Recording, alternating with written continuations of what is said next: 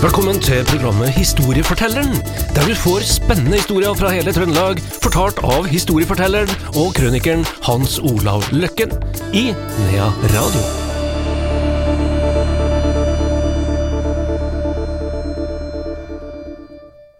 Vel møtt til historiefortelleren her i Nea Radio. Hans Olav Løkken er på plass, og i dag skal Hans Olav ta oss med til Trondheim.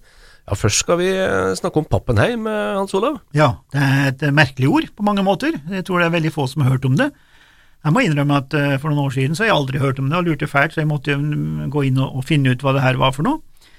Og fant da selvfølgelig det, en sånn artikkel i en avis da, om Pappenheim. Og Pappenheim det kommer i og for seg av papp, da, og heim laga av papp. For etter første verdenskrig så var det husmangel, spesielt i Trondheim òg, og det var om å gjøre for myndighetene da å bygge noe rimelig hus for, skal vi si, kanskje ikke de som var mest bemidlet her i verden, da. Det var, det, de skulle ta vare på de òg. Og de bygger dem eh, ganske, jeg vil ikke si simple, da, men eh, det var tre lag med panel, og så var det to lag med papp, og som var bundet sammen, og eh, ja, det, du kunne nesten puste på dem, så datt de ned, da, for å være litt stygg, da. Men så skjer det, vet du, der at det skjer en eksplosjon en natt. Det er en vårdag i 1923. Vårdag 1923. Så høres det to kraftige drønn, og det kommer også en kjempesmell. Og da var det altså kruttlageret på festninga som ble sprengt.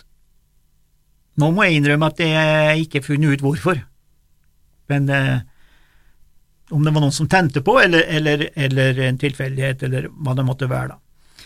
Men det var altså så enorme krefter som ble utløst, at mange av de her steinene som ble hivd ut i verdensrommet, skulle jeg si, de datt helt ned i Kjøpmannsgata, altså nede ved Nidelva, og det er ganske langt der fra, fra oppe på Kristiansten festning, og så dit ned. Og det her skjer om natta, og under festninga så heter det Småbergan. Det er jo noe helt annerledes nå i dag, da selvfølgelig, men den gangen så var det en slags skal vi si, turområde, eller lekeområde, lekeplasser for unger, så jeg ser at den journalisten som skrev, han sa tenk om det her har skjedd på dagtid, så har antagelig gått i vei ganske mange da. Men det skjer på natta, hvor de fleste selvfølgelig da ligger og sover. Ei 18 år gammel jente får en stein inn på soverommet der og, og, og får knust foten og måtte amputere. Men enda verre gikk det med ei som het uh, Charlotte Sustad. Hun var 35 år, ligger på et rom i en av de her husene, i lag med sine to sønner på 10 og 12 år. Og hun ble altså drept av en stein som kom susende. Eh, huset ble jo pinneved, som vi sier, og det ekstra triste i denne saken er jo at om kort tid, vi snakker nå om bare noen dager, senere, så var meningen at de skulle reise til Amerika for å forene seg med far og Manda, som hadde dratt et år før, laga alt klart og hadde sagt at nå skal dere komme over.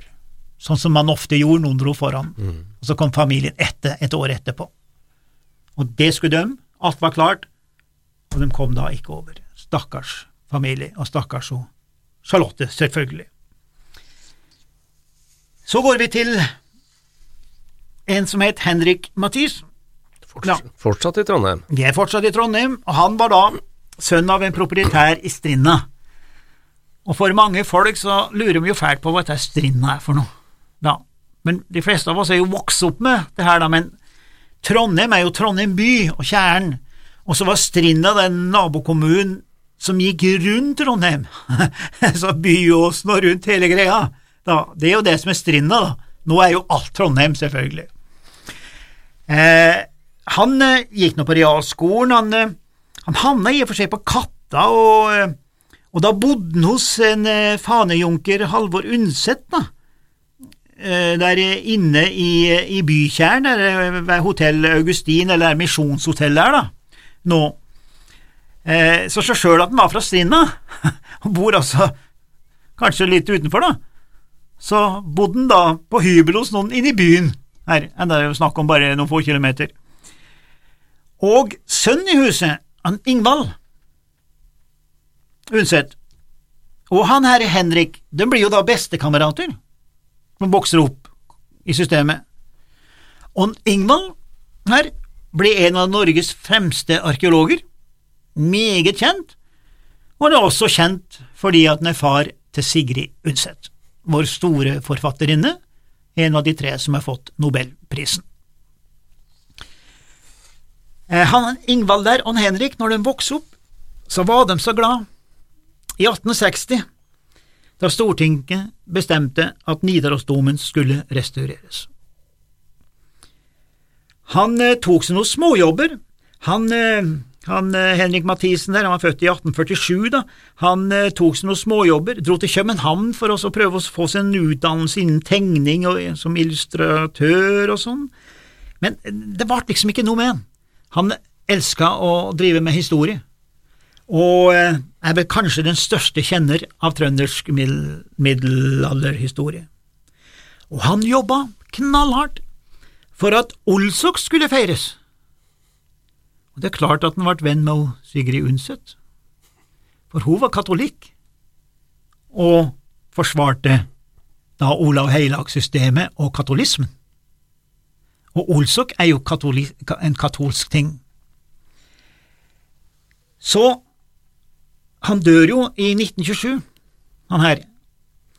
Og når Sigrid Undset kom og skulle være til stede på jubileet, tusenårsjubileet, på Stiklestad i 1930, så var hun innom heimen og til enka, da, og da bodde hun på Ranheim. Hun var innom der, og der kjøpte hun en skipsmodell som han herre Henrik Mathisen hadde laga, og den skipsmodellen henger nå i det katolske kapellet på Stiklestad museum.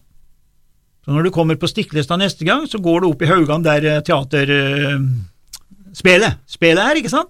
Det er et lite kapell oppe. Gå inn der, så henger det da et uh, skip, og det er laget av han Henrik Mathisen og gitt av Sigrid Undset til Stiklestad. Det er jo ganske bra det, syns jeg. Ja, ja, flott historie. Ja, det er flott historie. Ja. Her. Og, og, og, og Sigrid Undset var ikke noe hvem som helst. Hun var et uh, grepa kvinnfolk, sint som bare det, og hun var mot alt. Nei, var veldig mot alt, da. Men han eh, Henrik eh, Ja. Mathisen, han har jeg ikke hørt om. Nei, det er veldig få som har hørt om han. Han var jo, han var jo eh, ganske tidlig ute i den her såkalte bykampen, eller navnekampen, da som skjedde sist på 1820-tallet, da han var jo veldig imot at det skulle endres til Nidaros. Trondheim het jo Nidaros i ett år, da, før det ble et kompromiss, og det ble Trondheim. Som han Lyng fikk det, da. Men han, han har lagt så enormt mye bak seg, han her eh, Henrik Mathisen, at i Gunerius-biblioteket i Trondheim, anerkjent bibliotek, så finnes det 18 hyllemeter. 18 hyllemeter, Andreas, på magasinet, bare av han. Som ikke hadde utdannelse, ingenting. Han var autodidakt, gjorde alt sammen sjøl, var en sånn lokalhistoriker som til slutt begynte å klare å leve av det. Altså. Og han hadde jo kanskje fremma enda mer tanke om det å feire det her Olsok. Og det er jo ganske så interessant å vite, da, når 100 år senere, så har vi jo Olavsdagene i dag, som er en meget anerkjent og seriøs eh, festival, og, og vil inneholde ganske bra høyverdig kultur, og, og, og noe for alle sammen. Og eh, på hans eh, gravstøtte, på Lade gård, så står det faktisk talt under der, så står det at det var han er Olav, Olavsdagens, het det den gangen da, nå heter det Olavsdagene, Olavsdagens utrettelige forkjemper, står det, altså 100 år tidligere, og det som er så rart, er jo at vi har ikke hørt så veldig mye om denne fyren, men han bør jo kanskje tas fram, da, når det er Olavsfestivalen i, i, i Trondheim. For det er vel kanskje et faktum at samtiden ikke forsto hvilken stor personlighet Henrik Mathisen og hans innsats var. Det får vi huske til neste utgave av Olavsfestdagene. Takk skal du ha. Hans Olav Løkken, det var historia om både om Pappenheim og om Henrik Mathisen her i Nea Radios historieforteller.